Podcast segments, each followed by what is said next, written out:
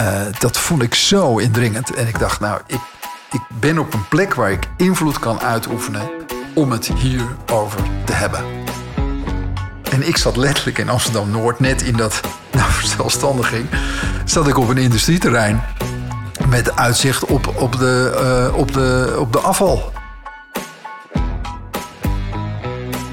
Nou, dat is toch wel het minste wat deze kinderen van ons mogen vragen. Op het moment dat je bij mij te lang, denk ik, op de omstandigheden of op de ja maar eh, stand gaat zitten, dat vind, dat vind ik wel ingewikkeld. Eigen, wijs en inspirerend. Een podcast over leidinggeven in het onderwijs. Onderwijs is van groot belang en het ligt vaak onder een vergrootglas. Wie geeft hier sturing aan? Welke dilemma's kom je tegen? Hoe kan je je hier het beste toe verhouden? Hoe krijg je het onderwijs en de organisaties in beweging? Wat drijft deze mensen? Vanuit welke gedachten handelen zij? In deze podcast komen leidinggevenden aan het woord die dat dagelijks met veel plezier en toewijding doen. Mijn naam is Frank Schildkamp en ditmaal ben ik in gesprek met Robert Smit, bestuurder bij de ISOP-scholen. En zoals het in het onderwijs betaamt, starten we de kennismaking met het Vriendjes- en Vriendinnetjesboekje. Naam. Robert Smit, Geboortedatum. 16 januari 1961, Woonplaats. Amsterdam. Broers. Zussen. Een broer en een, een halfzus, voor ons gewoon een volle, volwaardige zus. Burgerlijke staat. Eh, getrouwd, eh, al 30 jaar met Marijke. Kinderen. Een dochter van 29, een dochter van 26 en een zoon van 23. Een mooi rijtje, al zeg ik het zelf. Mijn collega's kennen mij als. Rustig, energiek, met energie, tikje baldadig. Humor vind ik toch ook echt wel belangrijk. Er zijn genoeg mensen die zichzelf iets te serieus nemen. Ehm, vertrouwengevend. Als de wekker gaat, denk ik. Poeh, dan denk ik niet zoveel. Dan zit ik vol in, op, op, dan zit ik op de automatisme. De mooiste plek op de wereld waar ik geweest ben. Ik vertelde je net vooraf eh, dat ik deze zomer in Canada was. Dus ik denk een bepaald stuk eh, binnen de Rocky Mountains. One of the most scenic ways in the world. Ehm, nou, daar is niets aan gelogen. De beste uitvinding ooit. Goeie vraag. Ik denk toch dat je dan komt, uitkomt op de democratie. Jouw beste beslissing ooit. Om naar Amsterdam te gaan. Als eh, aankomend student eh, op mijn achttiende. En ik woon er nu nog. En waar kwam je vandaan? Ik, eh, ik woonde in Schorel, eh, geboren in Alkmaar. ging daar ook naar school. En wist niet zoveel in mijn leven. maar vanaf mijn vijftiende, zestiende wist ik toch wel... ik wil naar die, naar die stad toe. Komen we zo op terug. Mijn laatst gelezen boek. Laatst gelezen boek was deze zomer ook... De Tolk van Kabul over het eh, vluchtelingenvraagstuk. Ik geef het liefste geld uit aan. Nou, tegenwoordig reizen, samen leuke dingen doen, eh, mijn gezin. Welke film kan je oneindig vaak kijken? Oneindig vaak. Ja, er is wel een film, Heat heet die. En dat komt ook door de beide hoofdrolspelers. Wereldacteurs in mijn ogen, Robert De Niro en Al Pacino. En daar zitten een aantal dialogen, terwijl het een redelijk heftig film is. In ieder geval één dialoog, die, eh, die heb ik echt verschillende keren gezien. Ja, ja. Vertel eens over, wat gebeurt er? Nou, het is het verhaal toch ook van de good en de bad guy. En ehm El Pacino eh, in het heet van de strijd uh, nodigt gewoon uit... joh, we gaan eens koffie drinken. En die zitten in zo'n soort Amerikaans eh, restaurant, zo'n soort setting... zitten die bij elkaar. En die vertellen waarom ze goed zijn in het eh, de bad guy zijn... en waarom de ander goed is in de good guy zijn. In... En dat is, ja, intrigerend. Maar vooral de, gewoon meestelijke acteurs. Wat doe je als je niet met je werk bezig bent? Sporten is voor mij belangrijk. Altijd veel eh gevoetbald. Tegenwoordig nog veteranenvoetbal heet het dan. Hardlopen. Leuke dingen samen doen. Nou, met mijn gezin. Ook weer een andere setting dan nu ze ouder zijn eh, natuurlijk. Eh, met vrienden afspreken. Ja, genoeg te doen. Dit ben ik samengevat in drie woorden. Ehm, betrokken. Met passie. Nou, wat ik net al zei. Rustig. Analytisch. Bent eh, werkzaam bij ISOP in dienst sinds? Sinds 2015. in de functie van Directeur-bestuurder. Aan tafel uh, Robert Smit, dankjewel voor de gastvrijheid. Uh, ja, leuk dat je er bent. Ik wil even, je had het al even over school. Ik wil je even terugnemen naar die tijd. En vanaf dat moment naar je loopbaan kijken. Kan je ons meenemen? Nou ja, vanaf die tijd, wat ik, wat ik al zei, een prachtig uh, lagere schooltje in, uh, in, in Schorl. Uh, in die zin is het ook een beetje terugkomen. Dat is ik het eind van de cirkel. Hè, dat die school nu ook onder de scholengroep valt waar, in de stichting waarbinnen ik werk.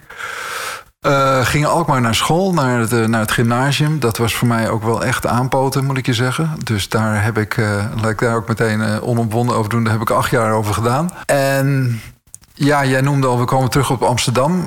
Op een of andere manier zat dat vrij snel in mijn hoofd. Omdat je toch ook al met een groep vrienden of vriendinnen... Hè, zo in je puberteit naar Amsterdam ging. Waterloopplein, platen kijken. Ik dacht, hier, hier moet ik zijn. Dit is de place to be. Dus dat zit in een gevoel. Dat kan je ook verder niet echt in woorden onderbrengen. Uh, dus ik ging, daar, ik ging daar studeren, pedagogiek.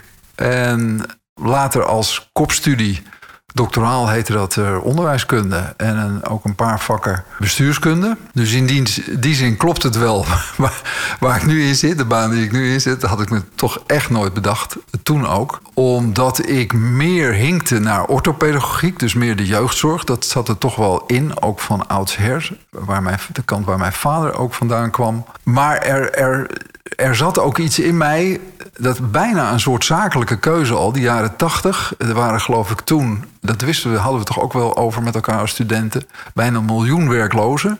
Dus je dacht, ja, als ik orthopedagogiek ga doen, dat gaat de hele mainstream gaat dat doen. Uh, dat wordt misschien heel erg lastig om daarin aan de bak te komen. En ik was al wel vrij snel in die studie, na, na zes jaar, of ja, wat is snel dan, uh, dat, ik, dat ik echt wilde werken. Dat kan ik me nog heel erg goed herinneren. Dus ik dacht, nou, dan, dan zou onderwijskunde misschien toch een betere kant zijn. Tijdens mijn studie zat ik eigenlijk ook wel op die splitsing jeugdzorg onderwijs. Ik heb een stage gelopen, dat werd een verlengde, beetje een baan. Bij dat heette toen het PPI. Dat is later volgens mij Afro Baudard geworden. Dus dan had je te maken met drop-outs uit het onderwijs. Dus de chronische uitvallers noemden ze dat, de tijdelijke uitvallers en de dreigende uitvallers. En ik vond dat heel, eigenlijk al bijzonder. Beetje, beetje bizar zelfs. In de zin dat ik dacht, hoe is het nou mogelijk dat we hier extra voorzieningen voor maken? Dus buiten het, middel, uh, het voortgezet onderwijs om.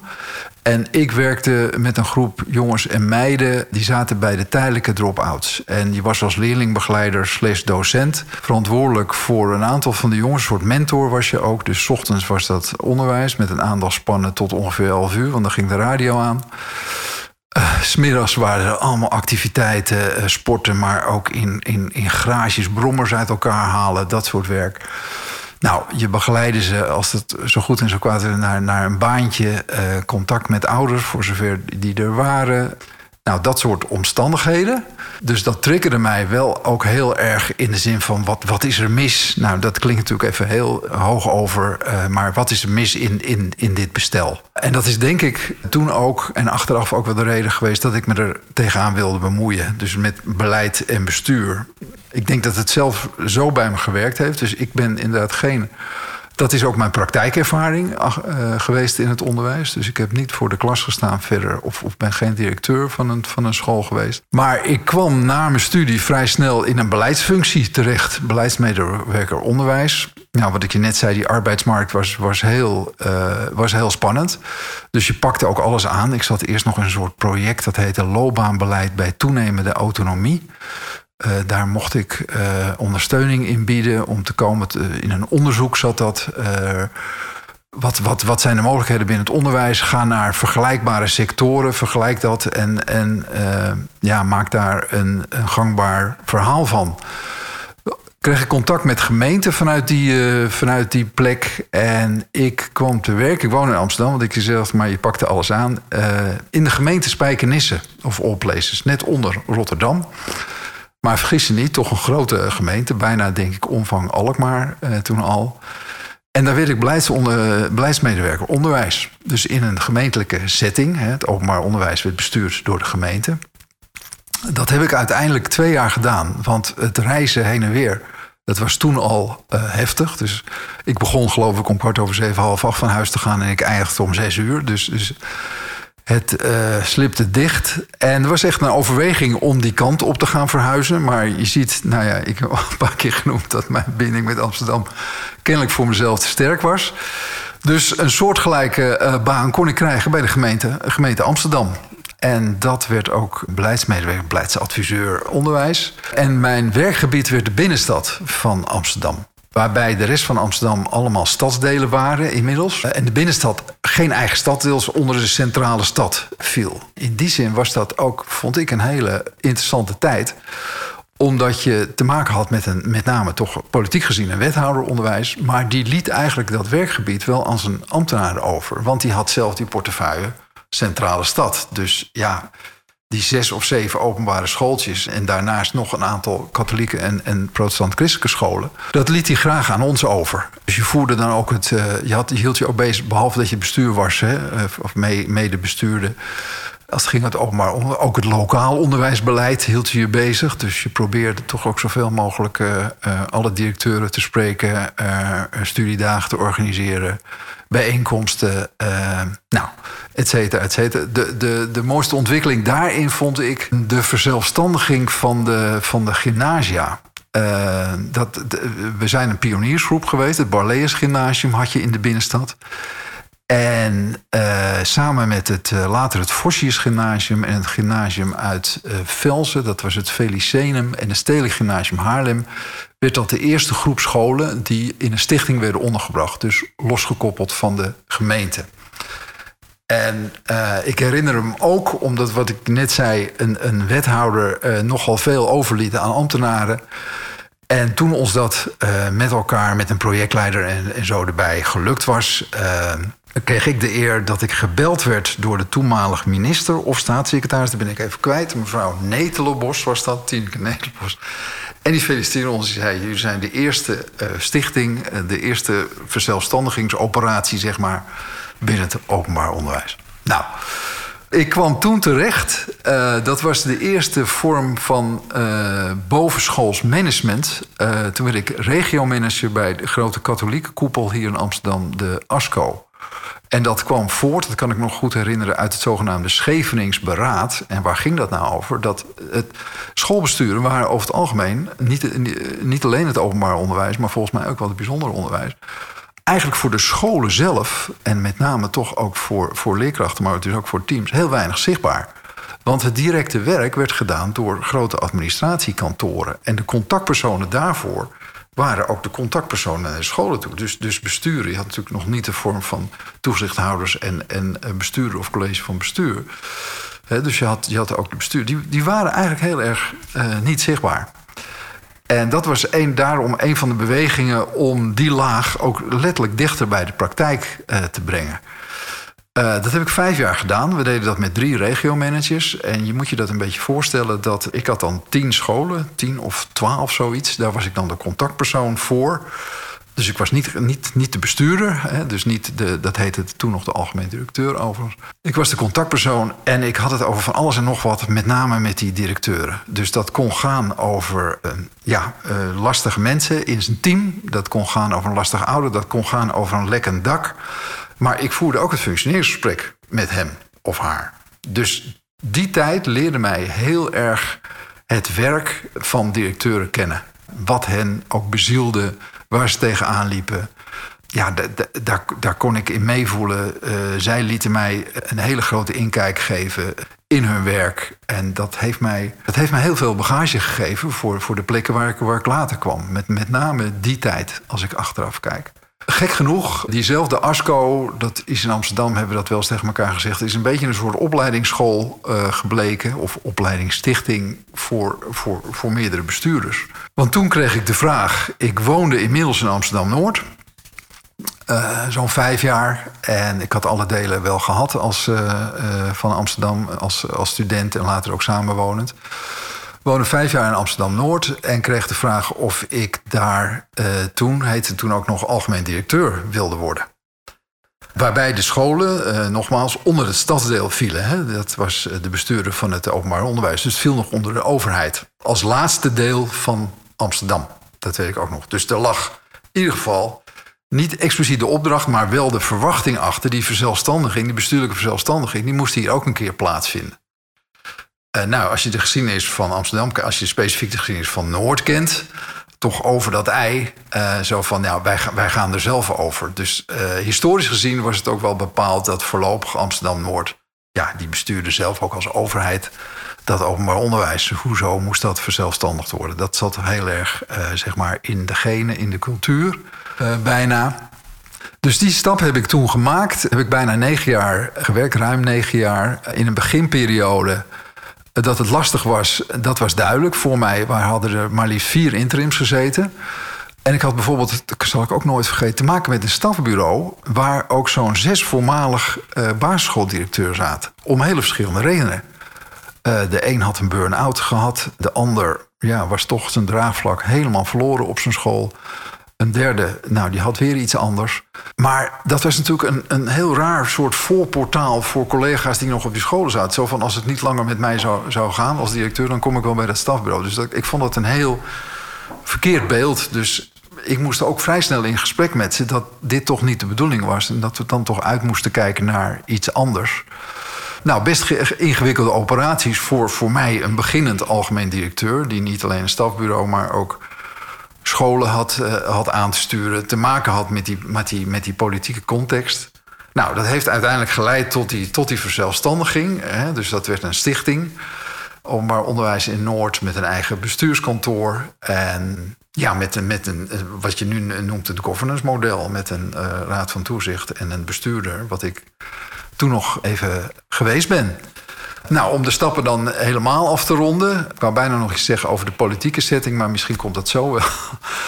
heb ik toen nog de, de stap gemaakt naar Amos. Dus dat was de, de uh, ecumenische uh, overkoepelende stichting. Ik twee jaar gezeten. Nou, dat is, een, dat, dat is uh, oprecht gezegd een, een, minder fijne periode geweest. Die, die kan je er ook tussen hebben. En toen kwam ja, de gelegenheid om nou ja, terug naar mijn, naar mijn roots bijna om, om hier directeur, bestuurder uh, te worden. Wat ik eigenlijk wel uh, nou, helemaal niet in, een, in, in, in de planning had.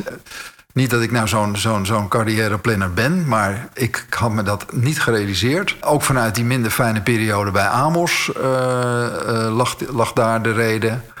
En, maar ik vond het eigenlijk wel heel mooi dat ik dacht: jeetje, nou, waar, waar, ik mee begon, mijn eigen oude lagere school, hè, behoort tot die, tot die scholengroep de regio die je heel uh, goed kent. Uh, ja, de mentaliteit van mensen. Het heeft eigenlijk weinig met, met je werk te maken zelf natuurlijk. Maar wat bij mij wel heel erg, uh, dat weet ik wel van mezelf... wat heel erg speelt als je een bepaalde betrokkenheid bij een gebied kan hebben. Nou, zie Amsterdam-Noord, waar je zelf dan woont.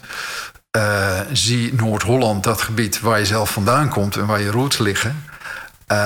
is dat voor mij echt wel een plus. Is dat wel echt een, een, een enorme meerwaarde. Dus dat is zo zoals het gegaan is en, uh, en, en waar we nu staan. Uh, dus het is altijd het onderwijs gebleven. Waar een afslag had kunnen zijn naar naar een andere sector. In het begin eigenlijk al, met, name de jeugdzorgkant. Daar heb ik, daar heb ik altijd wel uh, die meer dan speciale belangstelling voor gehad. wat ik noemde, die, die, die, die jongeren die, die dan in een moeilijke, moeilijke hoek zitten, die drop-outs. En een andere afslag dat had de politiek uh, kunnen zijn, denk ik. Dat is ook wel een grappige geweest. Uiteindelijk, ik werkte in die periode in de binnenstad. Letterlijk was je werkplek de Stopera.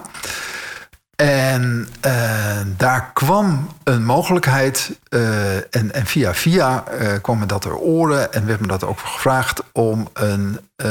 zou je een plek willen krijgen, een functie willen krijgen bij het kabinet van de burgemeester, heette dat. En Schelto Patijn uh, die was daar dan burgemeester. Een beetje zo'n Haagse man. Met, met alle respect. Maar uh, uh, dat was al, vond ik al bijzonder dat hij... en daar ging het gesprek ook wel over... dat, dat hij daar burgemeester was. Hij zat daar volgens mij een paar jaar. En ik heb ook nog een gesprek met hem gehad. Ehm, en ik herinner me heel goed dat hij tegen mij zei... hoe hij zo, zo bijvoorbeeld mijn functie ook zag in zo'n kabinet. En hij zei de legendarische woorden... Weet je, zo'n uh, stafmedewerkers zijn voor mij de ogen en oren van en in de stad. Dat kon ik eigenlijk wel op zich uh, prima begrijpen. maar je moet, voor, je moet voor mij ook dag en nacht bereikbaar zijn en aanwezig zijn en, en, en dat. Kon ik ook nog wel begrijpen. En toch schuurde er iets bij mij. En, en dat heeft denk ik ook wel weer te maken met uiteindelijk de plek waar je dan komt. En dat is mijn eigen uh, worsteling soms met autoriteit. Ehm, je zei in het begin al baldadig. Ja, misschien is dat, heeft dat er ook wel mee te maken. Dat ik dacht, ja, moet ik zo helemaal uh, zeg maar in het stramien van die man gaan werken? Dat, dat bracht hij me over. Dat bedoelde hij waarschijnlijk helemaal niet. Uh, en dat vloog me aan. En ik dacht, dat ga ik niet doen. Uh, nog, nog los van het feit dat ik niet eens weet of ik het misschien wel geworden uh, zou. Maar ik dacht, ik, ik ga er niet mee verder. Die kans was er wel, maar ik ga, ik ga daar niet mee verder. En een, een, een, mijn autoriteitsprobleem, laat ik het zo maar zeggen, heb ik ook wel vaker meegemaakt. In de zin met een, leidinggevende of een, een, een, algemeen directeur waar ik daarmee. Waar ik zo, en dat is ook wel weer het goede voorbeeld, denk ik dan, van volgens mij kan het ook anders. En als ik hier naar kijk en hier nou enige jaren in werk, denk ik zelf ook wel dat ik dat zelf ook zou moeten kunnen. En mijn, mijn, mijn feitelijke start als, als overal leidinggevende lag in Amsterdam-Noord. En dan moet ik zeggen, nou, dat is ook wel echt vallen en opstaan geweest. Dus uh, wat je vooraf denkt van, joh, dat, dat, dat, uh, dat, dat, dat moet ik kunnen of dat moet ik anders kunnen. Of je hebt de voorbeelden waarvan je denkt, waarom niet meer verbinding? Waarom niet meer duidelijkheid? Nou, geef het woorden. Uh, ja, die zag ik me ook voor mijn ogen afspelen. Maar als je dan daadwerkelijk gewoon er staat, vraagt het ook nog echt wel even wat anders. Ja, daar, komen we zo zeker weten op. Ja. Wat is nou die rode draad geweest van al die banen, functies, rollen? Waar, waar, waar kon ik jou in herkennen? Waar je mij in kon herkennen? In al die functies en banen. Uh, ik denk toch dat je er maatschappelijk toe doet. Dus uh, bezig zijn met uh, maatschappelijk relevante vraagstukken. Uh, en uh, in de basis dat je weliswaar in, in, in een soort afgeleide vorm natuurlijk. Uiteindelijk gaat het om ontwikkeling van jonge mensen, van kinderen. Hoe kan je dat stroomlijnen? Hoe kan je daar de voorwaarden voor creëren voor de professionals? Om uh, dat op een goede manier te doen. Hoe kan je talenten van kinderen zoveel mogelijk tot, tot ontplooiing brengen?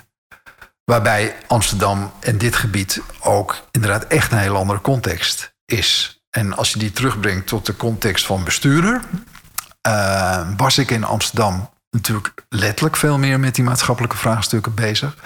Ik bedoel, we hadden het over ouders in uh, Amsterdamse wijken, Amsterdamse scholen eh, die onder de stichting vielen, uh, die in de schuld, noem je dat? De schuldsanering zitten. Dus, dus gewoon armoedeproblematiek, waar we het nu weer hebben over de, de, kinderen zonder ontbijt op school. Dat, dat kwam hier al heel lang volgens mij. En nog steeds komt dat voor. analfabetisme. Maar ook kinderen met overgewicht, met obesitas, waar, waar, waar wij ons ook mee bezig hielden. Uh, een buurtregisseur voor elke school. Dus, dus veiligheid in, in, de, in de fysieke zin. Uh, en hier uh, ben ik bezig in een, inmiddels wordt het minder, een, een krimpregio met een arbeidsmarkt. Maar goed, die hebben we allemaal, die, die enorm knelt. Dus ik wil niet zeggen dat ik het vak besturen weer als het ware, opnieuw heb moeten uh, ontdekken. Maar het is hier wel weer een hele andere invalshoek uh, ja, dan, dan in Amsterdam. En nu zijn we uh, met ISOP in het hier en nu. ja. Neem eens even mee. Hoe ziet de stichting eruit? Waar ben je mee bezig? Ja, nou, wel een mooi moment vind ik dat je dat, dat, je dat vraagt. Want ik, ik ben er ook wel trots op waar we, waar we nu staan. ik noemde al even de krimp daar gingen echt uh, happen uit die organisatie. Dus, dus per jaar zo'n 150 à 200 leerlingen in de krimp. Sinds 2008 was dat. Uh, een organisatie die financieel er prima voor stond. Uh, die krimp wel had zien aankomen. Maar vanwege, denk ik, ook die financiële buffers die er waren, dan krijg je wellicht vaak een houding van... Uh, uh, nou, het, het, het, het zal niet zo hard gaan, het zal niet zo hard lopen. We vangen het wel op. Maar ik denk toch te weinig geanticipeerd op die krimp. Wat de organisaties om ISOP heen, bijzonder onderwijs, toch al eerder gedaan had. Dus ik heb vooral, denk ik, toch die organisatie proberen te richten naar de toekomstbestendigheid. En dat was in het begin toch meteen al heftig. Uh, want er, uh, er, er, waren echt, uh, weliswaar, zei ik, de kengetallen financieel waren goed. Maar er was zo'n zo'n 30 man boven de, boven de sterkte, werd er in dienst gehouden. Nou ja, dat, dat, dat ruimde niet. Want ik pak het bierveeltje erbij en ik kan ja, het voor maken. Ja, precies. Want we rekenen hem door en, en we zouden zo naar de miljoenen in, in, de, in, de, in, de, in de zwarte, in, juist in de rode cijfers gaan lopen. Uh, dus er moest een sociaal plan komen. En dat is toch, natuurlijk toch een soort merkwaardig, ik wil niet zeggen start, maar na een half jaar, als je gewoon bestuurder bent, uh, je was geen interim bestuurder, hè? Dan, dan zou die ingreep nog een soort opdracht kunnen zijn. Maar ik heb toen wel de Raad van Toezicht na een half jaar erin meegenomen in de analyse van jongens, daar moeten echt stappen gemaakt worden. Want als we dit niet doen, uh, dan, dan, kunnen die toekomstbestendigheid, want dit is in de basis, dan kunnen de toekomstbestendigheid ook in dat scholenbestand uh, uh, niet aanpakken. Nou ja, dus dat is best een pittige fase geweest. En dat is ook een soort raar binnenkomen, achteraf gezien. daar maak je jezelf niet meteen geliefd mee. Niet dat ik nou daar op een plek binnenkom om jezelf geliefd te maken. Daar gaat het natuurlijk helemaal niet om. Maar verbinding is ook een, een, een belangrijke factor in je hele organisatie. Dus dat moest eigenlijk veel meer daarna komen. Uh, dus samen proberen dan toch dat sturing te geven aan beleid, uh, aan kaders. Uh, en, en vervolgens je inderdaad richten op die toekomstbestendigheid. En dat betekende ook ja, een, een, een, fusie tussen twee scholen. We hebben een school overgedragen aan een ander bestuur.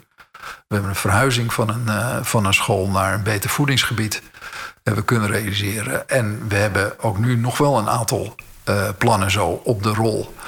Maar wel in een basis die staat. Uh, wel in een organisatie die in alle geledingen in verbinding is met elkaar. En dat vind ik eigenlijk wel weer mooi. We staan een beetje aan de vooravond ook van een, van een nieuw koersplan.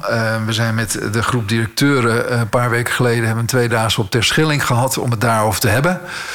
En om met elkaar te kijken hoe kan je de kracht van dat collectief nog verder versterken. Om ook een, uh, een, nog ja, uh, uh, sterker koersplan met elkaar neer te zetten. Die daadwerkelijk, waar de, daadwerkelijk de scholen en de directeuren en de teams ook een, ook een, ook een houvast aan hebben.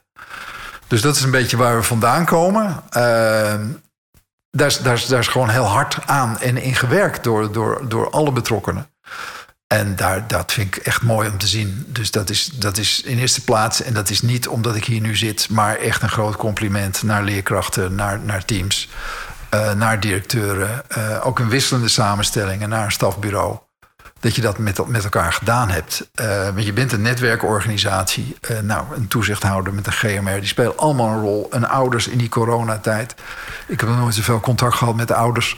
Zeg maar als bestuurder dan, dan als in die tijd. Uh, en, en iedereen heeft zo zijn, zijn, zijn belangen en zijn afwegingen. En als je dan toch die koers redelijk steady kan zetten. Ja, dat, dat, daar kan, ja, is geniet het goede woord? Ik denk het wel. Dat klinkt behoorlijk uh, steady. En tegelijkertijd uh, zie ik ook wat grijze haren zo langzamerhand. wat, zeker. Wat, wat, heb je langzamerhand uh, opgedaan aan leerervaring? Wat is je visie op leiderschap zo, zo, zo proefondervindelijk geworden? Ja, ik denk als je, uh, als je het kijkt in de lijn van de leerervaring, uh, beginnen in Noord daar, uh, onervaren bestuurder. En ik was er zelfs wat over verwonderd dat ze bij mij terechtkwamen. Vier interims daarvoor. Dus daar, daar lag een aardige klus te klaren. Ehm, en dan heb je niet, zoals je dat nu hebt, dat je, dat je, dat je toch veel meer op, op de visie die je, die je vooraf weet. Dat je denkt van ik wil die organisatie ergens naartoe richten. En ik weet ook hoe ik hem inricht. Hè? Het richten en inrichten, dat zijn eigenlijk twee elementen die je steeds in je werk gebruikt. Dus, dus bij een bepaalde richting hoort ook een bepaalde inrichting. Dat had ik toen die tijd echt nog niet, nog niet voor ogen. Uh, ik dacht wel in termen van, uh, van koersplan had ik een aantal elementen en uh, die ging ik ook presenteren. Dat heette toen nog geloof ik strategisch plan, want dat lag er eigenlijk helemaal niet. Dus er lag volgens mij, ja nu kan ik het wel weer terughalen, ook van de inspectie. Zo van uh, het toch wel dwingende verzoek om ja, meer koers te bepalen. Dus dat ook in een, in een plan te zetten. Dus daar had ik wat element van. En die, die ging ik presenteren. Dat kan ik me nog heel goed herinneren. En zoals jij ongeveer een beetje kijkt, dat iedereen zat zo te kijken naar me en nou, soms wat te knikken. Maar ik kreeg er eigenlijk heel weinig op terug. Zoals je dat wel, toen kon ik dat ook voelen. Ik, ik, was, ik was 1,42 uh, denk ik toen ik daar startte. Dat ik wel kon voelen, ja, maar ik, ik wil wel wat terug horen. Ik, ik kan beter weerstand terug horen dan alleen maar knikkende mensen. Uh, dus ik dacht, wat, wat, wat gebeurt hier nou? En ik had dat niet ook meteen in de gaten. Uh, waar het gevoel zat, is ook vanuit die voorgaande periode... was er, was er, het, het, het, was er geen basisvertrouwen. Dus ze vonden het prima om het daar met mij over te hebben... maar ze wilden ook van mij horen van hoe ze het, hoe het eigenlijk zelf deden.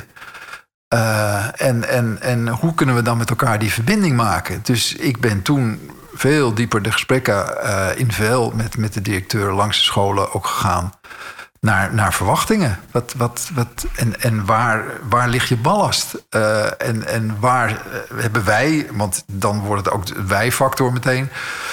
Uh, hebben wij het niet goed gedaan? Of heeft deze organisatie het niet goed gedaan? En hoe kan hij het, hoe kan hij het beter doen, zodat, zodat jou dat helpt?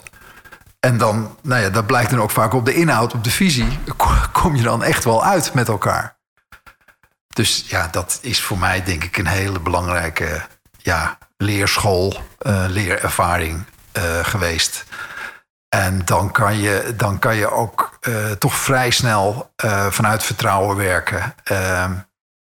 Ehm, en die periode in Amsterdam-Noord, maar dat zal ook met de context van dat grootstedelijk te maken we hebben ook daar hele rare, gekke dingen meegemaakt waarvan je denkt, ja, heeft dat nog iets met onderwijs te maken? Maar dan kan je ze ook nog wel beter aan. Dit soort leerervaringen maak je scherper, wijzer, zeg maar. Wat, wat gun jij startende leidinggevende met het leergeld wat je zelf hebt uh, opgedaan? Uh, ik, gun ze, ik gun ze heel uh, erg dat ze echt met, met, met, met een team uh, tot een mooie samenwerking kunnen komen. Uh, waarbinnen ze als leidinggevende echt een belangrijke rol hebben.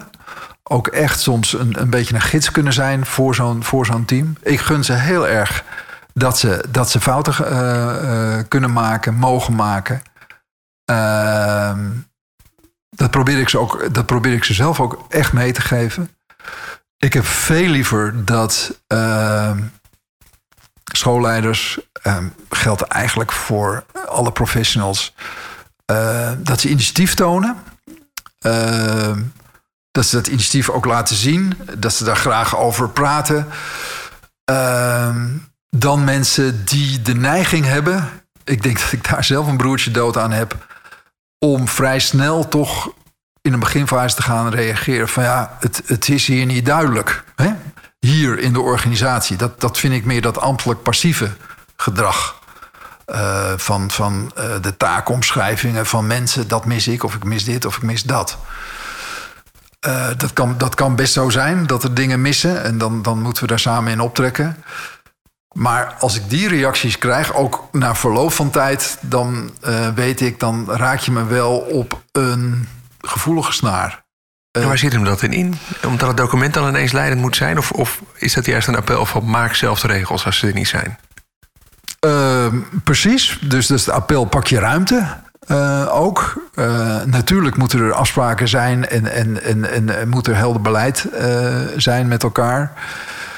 Ehm, ik denk dat het er ook in zit dat ik graag zie dat mensen ehm, verantwoordelijkheid nemen, verantwoordelijkheid pakken.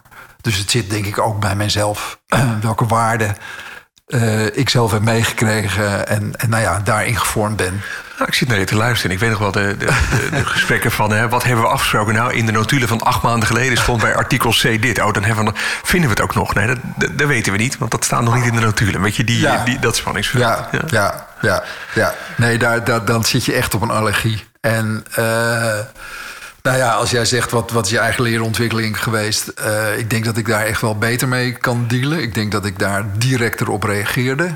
Uh, en, so, en, soms kan dat prima zijn. Het effect is dan zelfs misschien ook nog wel kan heel groot zijn. Maar ik, ik, ik kan er wel in schakelen. Dat ik denk, nou, hier even wachten. Of, of ik voel het en ik denk, ik, paf, ik reageer. Weet je, van uh, wat maakt nou dat je, dat je het zo doet? Want hoe mooi is het dat je nu zelf ruimte hebt? En, en wat, wat is dan je eigen bijdrage? In plaats alleen maar te legitimeren uh, nou ja, buiten jezelf. Dat jeugdzorg, hè, dat, dat zit eigenlijk al van, uh, van, van de opleiding erin. Komt dat nog terug uh, in je huidige werk? ik denk dat het in Amsterdam echt meer een speerpunt is geweest. Vanwege nou, wat ik je net zei. Omdat je toch bij die, bij die maatschappelijke vraagstukken breder hè, buiten de scholen om ook betrokken bent geweest. Nee, dat dat er echt nu minder, minder in zit. Ehm, wat ik. Uh, wat ik wel gedaan heb, daar deels wel initiatief in heb genomen, is dat we uh, een aantal jaar geleden. Ik weet niet precies meer hoe lang het geleden is, maar. Uh, hebben een studiedag met elkaar gehad voor al het personeel. En ik wist eigenlijk, dat had ook wel een beetje met transfer vanuit Amsterdam te maken, wat ik daar voor thema uh, eigenlijk op, op, op die studiedag wilde hebben. Namelijk, dat is uh, kindermishandeling. En nou ja, dat raakt, aan, dat raakt natuurlijk ook aan jeugdzorg. Daar heeft jeugdzorg heel veel mee te maken, veilig thuis, et cetera. En uh, dat had ook gewoon met de landelijke statistieken te maken. Waar ik me toen echt werkelijk rot van was geschrokken. het hele verhaal hier in Amsterdam destijds met die Robert M. Uh, in uh, die kinderdagverblijven. Uh, nou, dat, dat hele verhaal kwam naar buiten natuurlijk. van der Laan, die daar volop ging als burgemeester.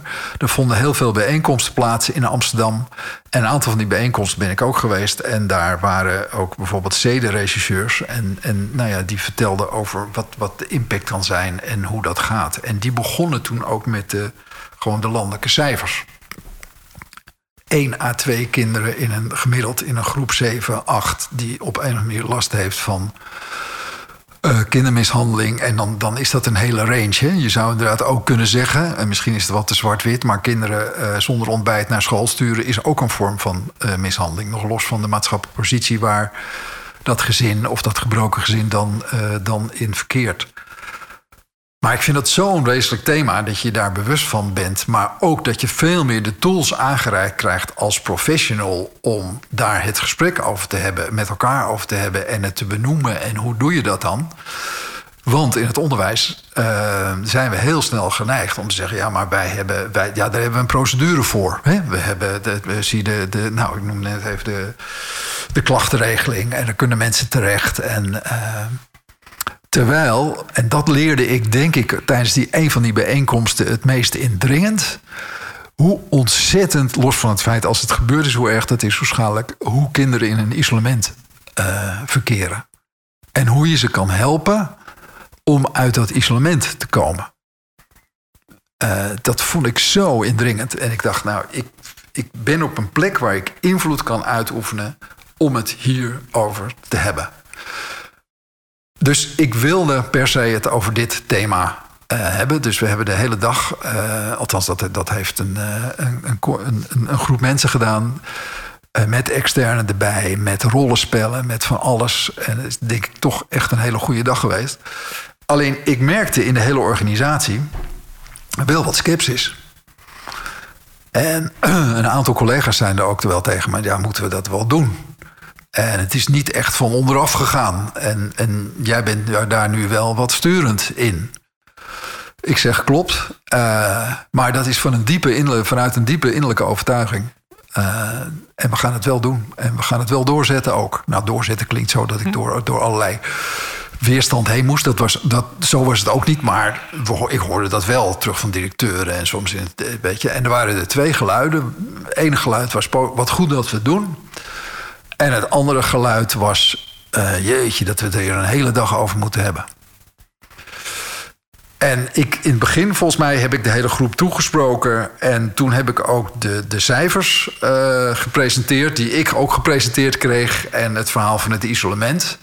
En toen dacht ik al te zien, nou, ik weet wel zeker dat bij een deel, zoals bij mij, dat ook gebeurde, de schellen van de ogen gingen. En ik ben geloof ik toen geëindigd. Ik zeg, nou ja, uh, en dan een hele dag met elkaar. Uh, nou, dat is toch wel het minste wat deze kinderen van ons mogen vragen. En het is, het is verder ook heel ja, goed opgepakt, voor zover je dat uh, kan zeggen. En helaas moet je dan zeggen, twee jaar corona. En wat daar achter vandaan komt, heeft het natuurlijk niet beter gemaakt. Maar het is, het is een fenomeen wat, wat in die samenleving zit. En je wil er niet aan met elkaar, maar het is er wel. En je hebt echt een verantwoordelijkheid om daar vanuit ons werkveld ook iets, iets mee te doen. Aandacht aan te geven, ja. Nou. We hadden het over uh, de politiek. Jij hebt uh, vanaf het gemeentehuis heb je ook de beleidskant uh, gezien. Hè? En, en, een van de rollen van een bestuurder of een directeur is ook een beetje het hitteschild zijn naar alles wat van de buitenkant op je afkomt. Af en toe ook het gemeentehuis, wat weer eens ongevraagd aanbellen. Zo. Wat, wat heb je daarin geleerd en hoe kan je daar als leidinggever toe verhouden? Um, ja, dat is, dat, dat is een goede vraag. Um, in dat voorbeeld met die, uh, die directeur van die school, wat uiteindelijk tot strafontslag uh, geleid heeft, is, had ik ook letterlijk natuurlijk met mijn politieke bazen te maken. Uh, wat daar heel erg wezenlijk in is, is dat je ze goed informeert, maar wel de oplossingsrichting die je voor ogen hebt, dat je die vasthoudt. Want er werd veel uh, druk op mij uitgeoefend uh, om gelijk in te grijpen. En wij waren aan het ingrijpen, maar ik kan me heel uh, goed herinneren dat ik daar op een dinsdag zat. En dat de interim-directeur op de vrijdag zou beginnen. Waarop de voorzitter van, dat, van, het, van het college zei. dat heet in de stadsdeel, stadsdeelvoorzitter. Die zegt: Joh, moet je luisteren, Smit, ik heb je verhaal nu gehoord. Maar ik kom bij de ABN Amro vandaan. Daar deden het als volgt. Dan gaat hij er vanmiddag uit en dan gaat er morgenochtend een ander in. Ik zeg, ik ben het helemaal met je eens. Alleen deze interim die ik voor ogen heb, die kan dat uitstekend. Uh, die gaat namelijk die rust brengen. Alleen hij is vrijdag pas beschikbaar, want hij komt terug uit Spanje. Nou, dan laat je hem nu maar invliegen. Ik zeg, nou, dat gaat toch niet lukken. Uh, nou ja, en die met boze tred verliet hij, verliet hij het pand. En ik dacht, nou, dit, dit is op het kantje. Maar, uh, nou ja, dit is misschien een, een, een wat raar voorbeeld, maar ik, ik herinner me natuurlijk toch nog heel goed, omdat hij gewoon spannend was. Uh, maar hou je er wel aan vast. Andere ervaringen hier met, uh, met de gemeente. Uh, het is natuurlijk inderdaad toch kleinschaliger. soms is de betrokkenheid daardoor groter. dus je, je loopt sneller bij elkaar binnen. Ehm, de expertise is soms echt minder. Met name op dat huisvestingsvlak. Wat natuurlijk een, een heel belangrijk portefeuille voor die gemeente is. Ehm, ja, daar ben ik wel. Uh, vaak loop ik daar uh, tegen muren aan, letterlijk. En kan je daar heftig in teleurgesteld zijn. Uh, dat, dat komt niet van de grond. daar zit echt te weinig expertise. Uh, je moet je echt afvragen of je deze portefeuille bij de gemeente uh, moet houden. Want de belangen zijn zo groot. Uh, niet alleen in termen van, van geld, maar, maar gebouwen. Nou, nu met de verduurzaming. Het is zo belangrijk dat je daar slagen in maakt. Maar het is ook een werkplek voor, voor leerkrachten, voor kinderen. Dus een, een, een mooie werkplek, een, een, een, een nieuwe school. Het hoeft niet altijd voor iedereen een nieuwe school te zijn, maar een relatief nieuwe school en een gebouw uh, dat 60 jaar geleden is, uh, is, is gesticht. Dat, dat, dat verschil is enorm natuurlijk. Met nieuwe concepten die we hebben. Van uh, gepersonaliseerd leren tot, tot unit onderwijs, dat noem het allemaal op. Dus je hebt gewoon echt veel meer mogelijkheden. Dus uiteindelijk kom je echt weer waar je moet zijn bij, bij ontwikkeling van kinderen terecht. Dus, dus dat faciliteren, dat is zo wezenlijk. En als je het zo dan op de, op de, of over de ambtelijke boeg gooit of over de politieke boeg, want, want dat, dat gebeurt dan van. Uh, ja, weet je, ook gewoon in het financiële systeem is er onvoldoende gereserveerd. Noem het dan maar op. Dus het, het geld had, had er kunnen zijn, is er niet. Uh, ja, dat is, ja, dat is gewoon deels is dat frustrerend. Dus daar zie je, uh, daar, daar zie je echt wel andere dingen. Nou, toch weer een vergelijking bij Amsterdam. Dan komt het soms wel een beetje machtspolitiek zijn. Uh, en tegelijkertijd kon ik daar uh, soms beter mee dealen. met, met iemand als, als Lodewijk Asscher ja, kan je veel van zeggen met zijn hele KBA-aanpak, die kwaliteitsaanpak Amsterdam. Maar ik vond het politiek gezien wel een hele slimme move. En hij had ook een punt. Weet je, dat hij zei van er zijn 200, 220 scholen in Amsterdam. Daarvan waren er toen de tijd tussen de 40 en 50 waren zwak in, in, in inspectietermen. Hij gaat er niet over, want nogmaals, die gemeente gaat over, vooral over die huisvestingportefeuille. Maar hij zegt, ik kan dit ook niet zo laten gaan. Dat betekent dat er honderden kinderen onvoldoende onderwijs krijgen. En dan had hij natuurlijk een punt. En dan, als zo iemand er dan in slaagt om langs de gemeenteraad iets van 6 of 7 miljoen vrij te maken voor zo'n kwaliteitsaanpak. Ja, dan, dan, dan vind ik dat niet alleen politiek, maar, maar ook bestuurlijk wel een sterke zet. Uh, in Noord zijn we toen inderdaad ook wel mee gaan doen. En daarnaast was het, eh, wat ik zei, het is natuurlijk laagdrempeliger bij kleine gemeentes dat je, dat je, uh, dat je afspraken met een wethouder hebt of wat dan ook. Toch heb ik regelmatig met deze man contact gehad met, met, met Asje, maar ook vanuit, ook vanuit echt een betrokkenheid en een passie. Hij kon, jij, jij komt bij de radio vandaan, hij kon op de radio zeggen, ik had het nooit meer vergeten. Hij zegt ja, al die, al die schoolbesturen, hij, hij ging ook wel echt ging hij, uh, ging hij de strijd aan hè, op, op een bepaald. Dus hij zei dus voor, voor de radio, ik zal het nog meer vergeten... al die schoolbesturen die zitten op, met, een, met een, een grote panden daar op, op de Zuidas. En ik zat letterlijk in Amsterdam-Noord, net in dat nou, verzelfstandiging... zat ik op een industrieterrein met uitzicht op, op, de, uh, op, de, op de afval. Weet je, op de, de afvalverzamelplaats van, van dit stadsdeel. Dus ik zei met, in mijn verontwaardiging tegen collega's... Ja, wat, wat kraamt die man er nou uit? Hij heeft geen idee. Laat hij eens langskomen. Nou, dat, dat heeft hij gedaan. Weet je? En sindsdien nou ja, bouw je toch iets op. Uh, dat is natuurlijk toch leuk om te zien. En uiteindelijk kon ik wel, en ook met een paar collega's uh, besturen tegen hem zeggen: joh, uh, die ruzie die we nu hebben tussen schoolbesturen, weet je, dat helpt jou ook niet verder. Dus volgens mij moet je ook weer nu naar elkaar toe hoe gaan we dan die kwaliteitsaanpak doen? Maar dan gezamenlijk. En haal die gekke dingen die daarin zitten, zoals dat heette toen de Asje-normen en zo. Weet je, daar vielen mensen heel erg over. Nou, haal dat er dan af. Die profilering heb je nu wel, heb je nu wel gehad. Dat kon je wel tegen hem zeggen.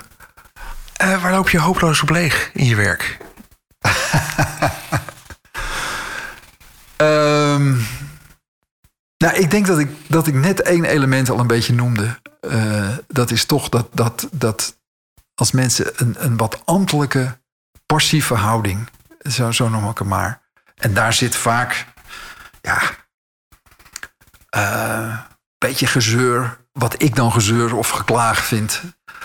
Waarvan ik denk, ja, vanuit die houding uh, vind ik ingewikkeld.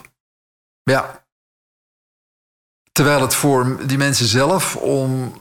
Ja, kan het, kan het ook belangrijk zijn om het, om het even te poneren, om kwijt te kunnen. Dat snap ik, maar dan ook weer door.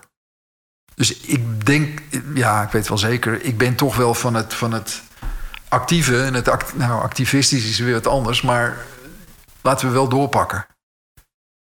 Uh, dus ik vind, het, ik vind het zelf heel wezenlijk. Nou, ik, ik zei ja vooraf al, ons motto is, is uh, samen sterk in leren. Dat je daar inderdaad ook samen in optrekt, dat er professionele ruimte is. Uh, maar dat we ook naar resultaten werken uh, met elkaar. En op het moment dat je bij mij te lang, denk ik, op de omstandigheden of op de ja maar stand gaat zitten, dat vind, dat vind ik wel ingewikkeld. En ik denk dat er ook echt wel voorbeelden zijn geweest dat ik daar uh, ook zelf de, de, de, fout in ben gegaan. Door wellicht te snel ook, ook tegen een directeur te zeggen: joh, maar, maar zit je dan wel op de goede plek? Of vind je het dan wel. Want dat geeft natuurlijk ook niet meteen vertrouwen of zo. Maar denk nog steeds het oprecht te menen van.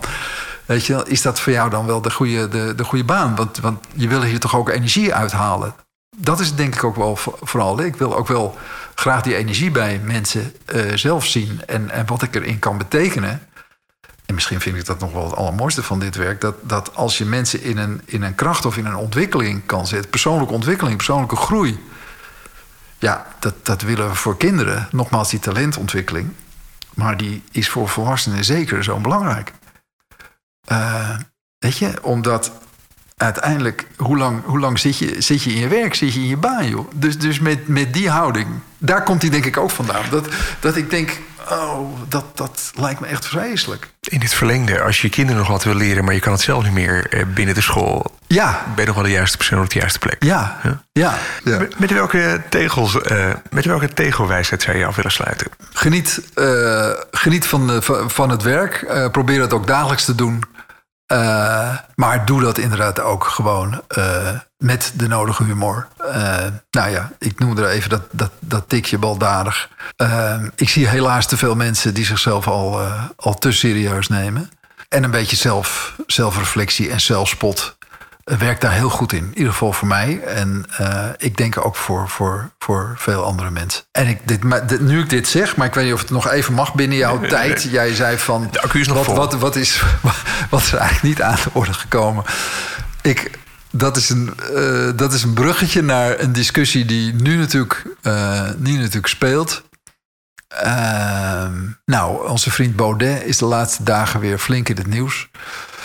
Uh, als je dat toespitst op het onderwijs, uh, denk ik, hoe is het in godsnaam mogelijk joh, dat we nu een, een, een, de wetgeving hebben laten oprekken, zo noem ik het maar, om, om uh, uh, toch op, op een soort, uh, binnen een soort ruimer beleid stichting van scholen mogelijk te maken. En dus dat betekent dus ook dat je zo'n school als een renaissance school... waar zijn letterlijk zijn gedachtegoed in een curriculum wordt vastgelegd... dat je daar de ruimte voor geeft. Nou, misschien is het een oproep, ik weet niet hoe ik, hem, hoe ik hem moet noemen. Nogmaals, vanuit die onderwijssector... Het belang van democratie met al zijn kwetsbaarheden. Maar een democratie moet volgens mij ook begrenzen. En hier moet je echt in begrenzen. Dit is echt, dit, dit kan echt niet. Dit is echt iemand die willens en wetens antidemocratisch gedachtegoed... in dit geval gewoon in een curriculum gooit. Dus, dus daar kinderen mee, nou, mee grootbrengt. Nou, dat gaat bij mij... Uh, ja, dat, dat werkt bij mij op, op, op al mijn... Ja, moet je het zeggen? Op al mijn vezels. Uh, hier ben ik wit heet over. Bij de beste uitvinding ooit was de democratie... maar uh, kom maar met de randen van de democratie hoor ik hierin. Ja, kom maar met de randen van de democratie. En er is ooit een, een politicus, hè, uh, was ook burgemeester van, van uh, Amsterdam, heb ik daar toen ook nog wel uh, rond zien lopen. Ed van Tijn, die sprak daar toen inderdaad volgens mij de historische woorden over van wat is dit toch een verschrikkelijk systeem, maar geef mij een beter. En, en dus, dus de democratie, hè? En, en dat is denk ik nog steeds waar we, waar we in zitten en waar we, waar we in leven. Aan het woord was uh, Robert Smit. Dankjewel voor je tijd. Ja, ook bedankt. Ja, leuk dat je hier was. Welke inspirerende leidinggevende wil jij wel eens aan het woord horen? Laat het me gerust weten via frank.schildkamp.bmc.nl